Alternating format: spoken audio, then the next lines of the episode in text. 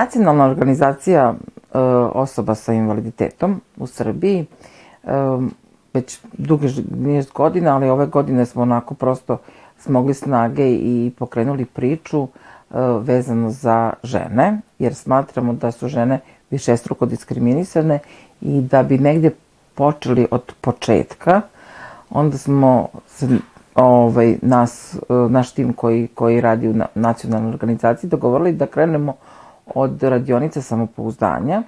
E, s obzirom da sam ja psihološkinja i da duže niz godina radim sa ženama sa invaliditetom, to, to mi je između ostalog i omiljena tema.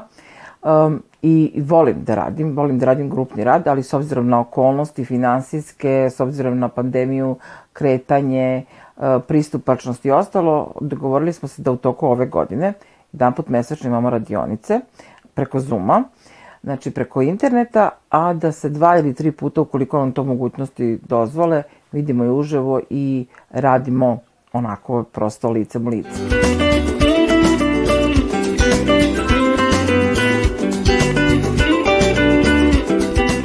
Kad sam dobila poziv, veoma sam se obradova, pogotovo što sam dobila Tanji poziv, koju izuzetno cenim i ovaj, znala sam da će mi ta radionica nešto dobro doneti.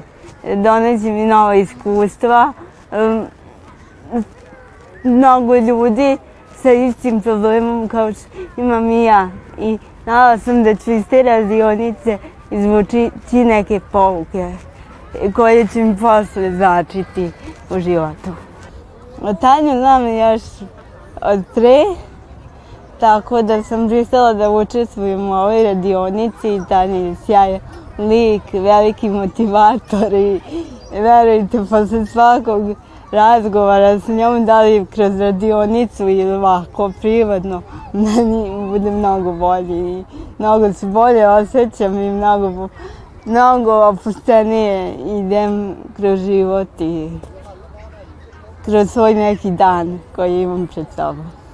Zašto samopouzdanje? Zato što bez obzira na vrstu stepeni invaliditeta, bez obzira na to da li živite u gradu ili selu, da li ste E, aktivni u invalidskom pokretu ili ne, da li ste zaposlena ili ne, e, samopouzdanje ponekad prosto iščezne ispari. Kako je rekla jedna učesnica, e, živim poltronski i samopouzdanje minus beskonačno. Ne mislim da neko živi ovaj, poltronski, apsolutno, ali to me negde onako podstaklo da razmislim da zaista na sve, nezavisno od toga u kakvim uslovima osoba živi, žena živi, e, da, je, da su potrebna neka vrsta podrške, tog nekog takozvanog ženskog aktivizma, ja to tako vidim, i podrške među nama, da možemo da se oslanimo, da možemo otvoreno da pričamo, da možemo otvoreno da komuniciramo onome što, što nam predstavlja neku prepreku, izazov, što nas negde, što nam negde otežava funkcionisanje i što ono što ja mislim guši radost Jer bez radosti, ljubavi, pozitivnih emocija u životu, ove, onda, onda prosto sve ništa nema smisla, jel? A ako to negde zanemarimo i ako prosto prestanemo da očekujemo da se radujemo u životu, onda, onda, onda dolazi do depresije i do onih svih poteškoća koje, koje su posledica neadekvatnog rada na samopouzdanju.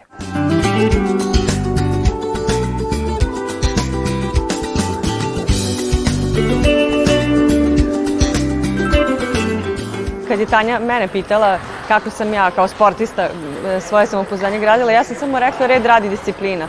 Ali bukvalno je e, to bio metod kojim sam ja došla do, do tog stadijuma da mogu da kažem da sam samopouzdana žena i da, da živim punim plućima i ono, da se ne osvrćem na, na prošlost.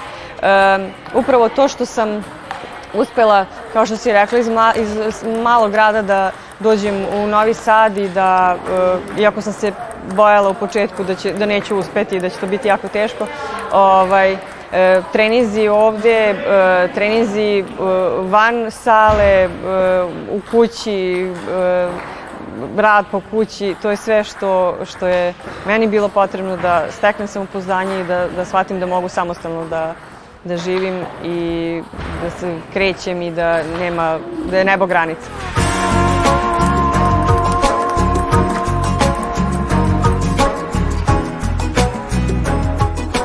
velik broj žena sa invaliditetom, to je neko moje iskustvo, neko moje, moje mišljenje, zaista lično, ima problem sa mentalnim zdravljem, ali se to ne prepoznaje.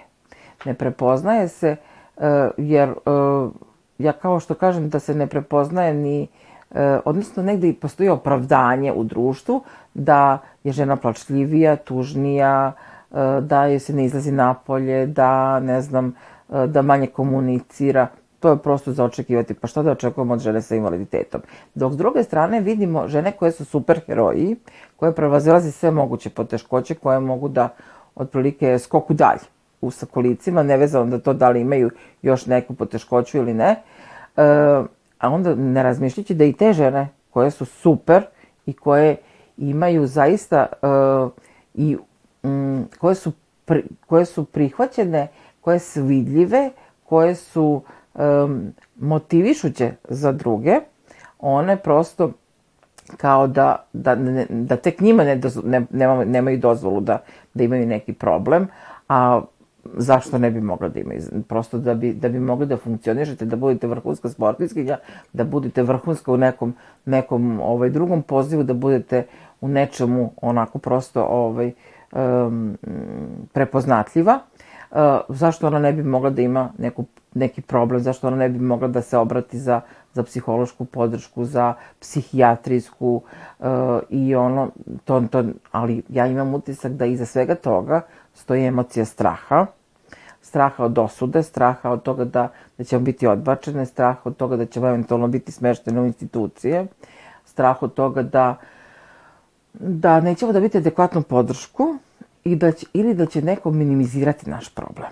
Mentalno zdravlje žena sa invaliditetom kao posebna oblast, kao neko polje interesovanja, ja nisam videla čak ni za vreme e, pandemije, mi pričamo o posledicama pandemije, mi pričamo o tome šta se dešavalo, mi pričamo negde o mentalnom zdravlju, ali da se to sad baš izdvojilo vezano za žene sa invaliditetom, ne. E, I to je onako, s moje tačke gledišta, vrlo brzo će i prestati da se priča o tome.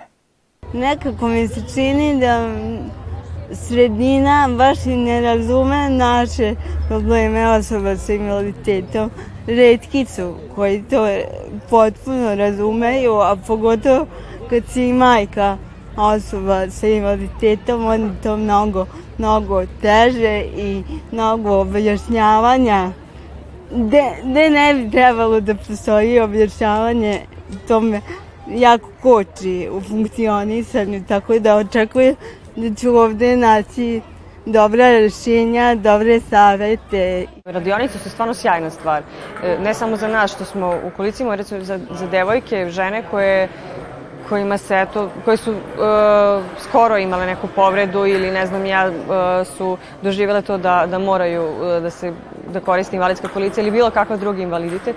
Ja mislim da bi to uh, volela bi da to bude javno ovaj, e, prikazano na neki način, ne znam, ne, na ovim društvenim mrežama ili na televiziji ili bilo kako, zato što je stvarno jako bitno znati kako žene u, u, sa invaliditetom žive i da to možda sa strane izgleda lako, ali u stvari nije lako. Iako mi to ne predstavljamo kao da je nešto teško, verovatno zato što smo pune samopouzdanja, kao što smo i rekli, ali ovaj, jako je teško i mislim da bi to bio jedan, ovaj, jedan vid eh, promovisanja uh, života osoba sa invaliditetom, kako može, kako treba da bude i da bi to olakšalo svima nama ovaj, život nadalje. Ja nemam podršku roditelja i nemam e, ovaj, njihovu pomoć. Sam tim bila sama sa suprugom. On je prvo imao problem da otvori u stvari poroditsko bolovanje koje je po zakonu prid i muškacima, ali jednostavno kad je on otišao kod lekara, oni su ga belo gledali. I mi smo bukvalno mesec dana trčali od institucije do institucije da bi to svoje pravo ostvarili. Drugo, ta finansijska podrška majkama osoba sa invaliditetom je jako ne postoji. Pogotovo što ja ne mogu da radim, e, nemam radnu sposobnost i on to veliki problem. Onda si osuđen da tražiš neke alternative gde opet suprug ili taj neko koji živi sa tobom ne može da radi, jer mora da ti pomogne non stop od jutra do nakon kući, pogotovo kad imaš i malu decu, onda je to veoma veliki problem. I neki e, problemi koji su nekima, da kažem, smešni, nebitni, nebitni za nas osobe sa invaliditetom su jako, jako veliki, nerešivi su tako lako. Ovu grupu žena do 20 e, čine žene koje žive i u selima i u gradovima, koje su i aktivne i neaktivne i zaista ovo je neki početak, e, ne u smislu da druge organizacije nisu to radile, nego smo mi zaista onako ovaj, ima nas jako različite smo i, i ja verujem da ćemo e, kao produkt tog našeg rada, kada nam se negde podigne samopouzdanje, pričati možda sa ženama sa ili bez, sa drugaricama, sa porodicom na tu temu, da ćemo imati dovoljno snage da progovorimo o tome šta, šta, šta vidimo kao prepreku, šta je to što bi nam pomoglo da, da se bolje osjećamo i da šta je to što možemo same za sebe da uradimo da nam samopouzdanje bude bolje. Jedna jedina podrška koju uvek nedostaje to je moja porodica od koje sam uh, se odvojila jel, samim tim uh, dolaskom u Novi Sad, e, u smislu da oni nisu tu, da ih zagrlim, da ih vidim u trenutku kad mi je to najpotrebnije. Ali vremenom sam shvatila da su oni uvek tu, bez obzira što možda fizički nisu prisutni, ovaj, ipak su tu u srcu i, i ja sam njima verovatno non stop u mislima, tako da je ta podrška u početku nedostajala, ali sve se to nadoknadilo sa ljudima kojima sam ovde okružena, oni su stvarno, stvarno sam se uh, trudila da, da sebi zaverem prijatelje koji meni prijaju i ti si među njima i eto i Tanja i svi ovi ljudi ovde koje vidite, to su stvarno ljudi koje ja volim i popunjuju taj nedostatak moje porodice. Znala sam da ću imati suprugu podršku i to se ispostavilo da je to zaista tako. Očekivala sam i maminu podršku koja je nažalost izostala jer ona je smatrala eto udala si se imaš muža znali se kako daš i umeš. I to me je jako zabolelo. Tako da e, najgore što smo ja i suprug očekivali tu neku podršku i onda kad je dete došlo smo ostali sami i onda smo bukvalno morali da, da se prilagođavamo i da živimo i dana u dan, da se upoznajemo sa novim poteškoćama, problemima koji naravno zajedno rešavali i ustali smo u tome i, i danas imam veliku podršku supruga i da nema njega ja iskreno ne znam kako. Nekako sam porasla kao osoba Znam da imam dvoje osoba kojima sam ja najznačajniji na svijetu, kojima volim najviše i koji mi daju snagu da idem dalje. Zbog njih moram da idem dalje, oni su moja najveća pokretačka snaga.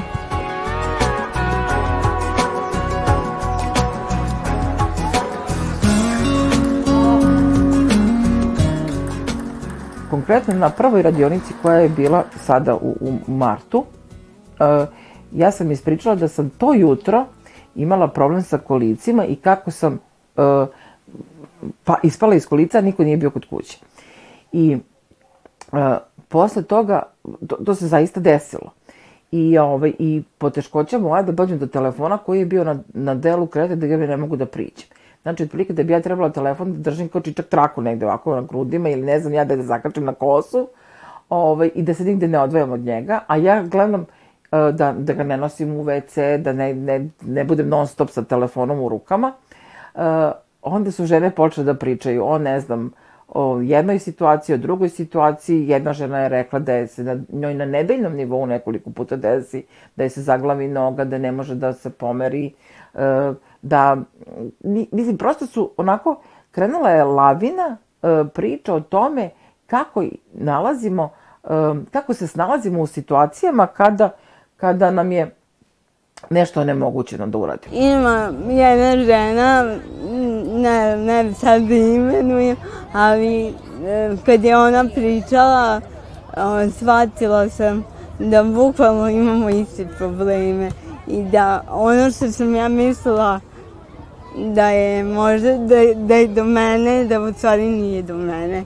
I ona mi je dala još veću snagu da izguram i da idem kroz život i da moram jednostavno da prihvatim da treba pomoć. Jer mi smo tvrdoglave same po sebi kao možemo to, možemo to, u stvari pomoć nam je neophodna u svakom smislu. Jako mi je drago što sam upoznala uh, te gospođe žene koje su stvarno uh, um, onako jedno nadahnuće za, za, za mene i verovatno za sve nas. Ovaj, I zadovoljna sam što sam deo takvog projekta.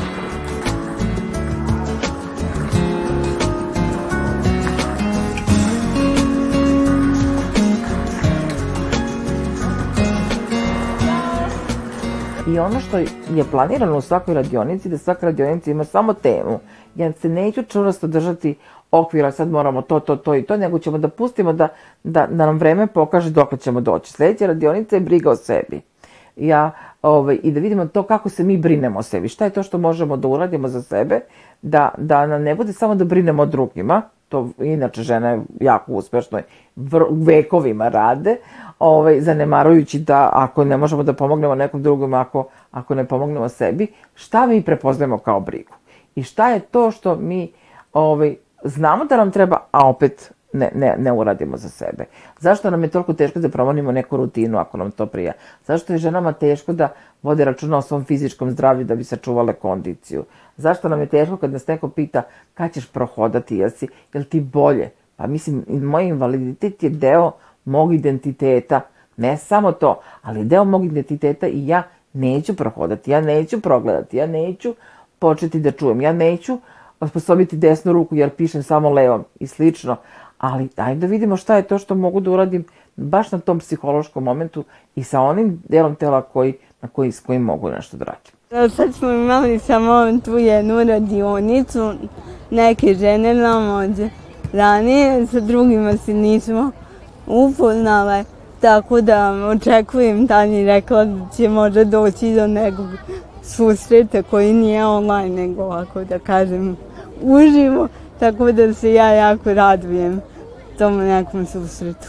Pa mislim da je promovisanje, informisanje um, i uh, edukacija ljudi koji dolaze u kontakt sa ženama sa invaliditetom bi bila korisna.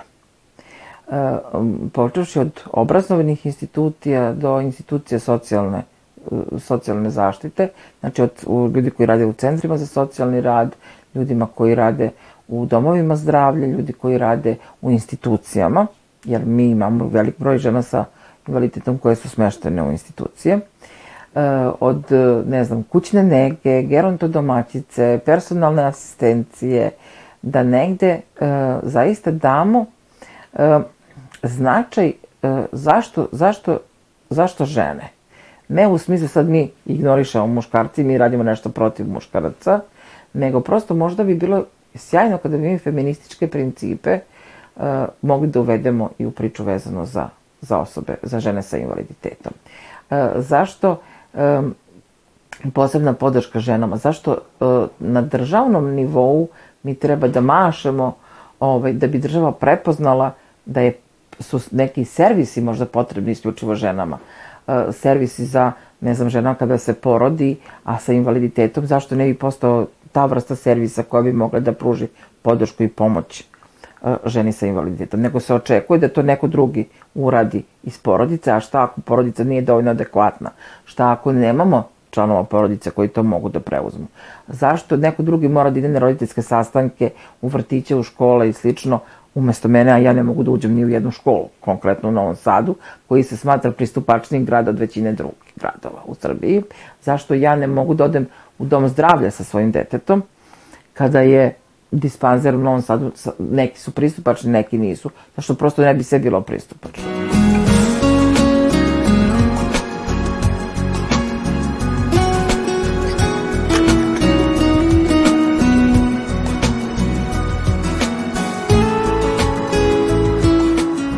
Moja poruka je da nema predaje, da se treba izboriti za sebe jer je to najbolji način da, da se preživi, ali ovaj, mislim da je to jedini način. Samo borba za samu sebe, jer ti znaš koliko vrediš, znaš ko si, šta si i ne može niko da te ubedi u nešto drugačije. Tako da, samo borba. Kao prvo da bi živjeli život punim plućima moraju da pričaju o svojim problemima.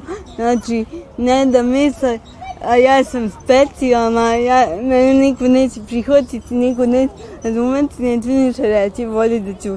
Ne, mora stalno da se priča, moramo da delimo iskustvo, da se povezujemo, jer samo tako će nam biti lakše da idemo kroz život. Želim da kroz izveštaje, pošto ministarstvo finansira ovaj projekat, ministarstvo za rad, zapošljavanje, boračka i socijalno pitanja, um, prepozna koliko su ovakvi projekti, koliko su uh, priče o mentalnom zdravlju, o samopouzdanju, o pružanju podrške, o psihosocijalnoj podršci važne. Ne možemo mi sad da kažemo mi smo više ne bavimo time, sad ćemo da se bavimo, ne znam, nečim što je održivo. Pa dolaze nam druge žene sa invaliditetom, žene stare, znači ne, ne možeš da kažeš, e sad sam ja to uradio, više mi to ne treba. To je kao otprilike, ja sam imao, ne znam, prekjuče vodu, pa zašto sad moram i danas da imam vodu? To je nešto što je, treba da teče. Podršku, e, po meni, psihološku podršku treba država, društvo da prepozna i da bude dostupna svakome, nevezano gde živi i, na, i u kojim uslovima živi. I da žena, e, bez obzira da li može da plati ili ne može da plati, da ta usluga bude jednako pristupačna svima. I fizički i, i ekonomski.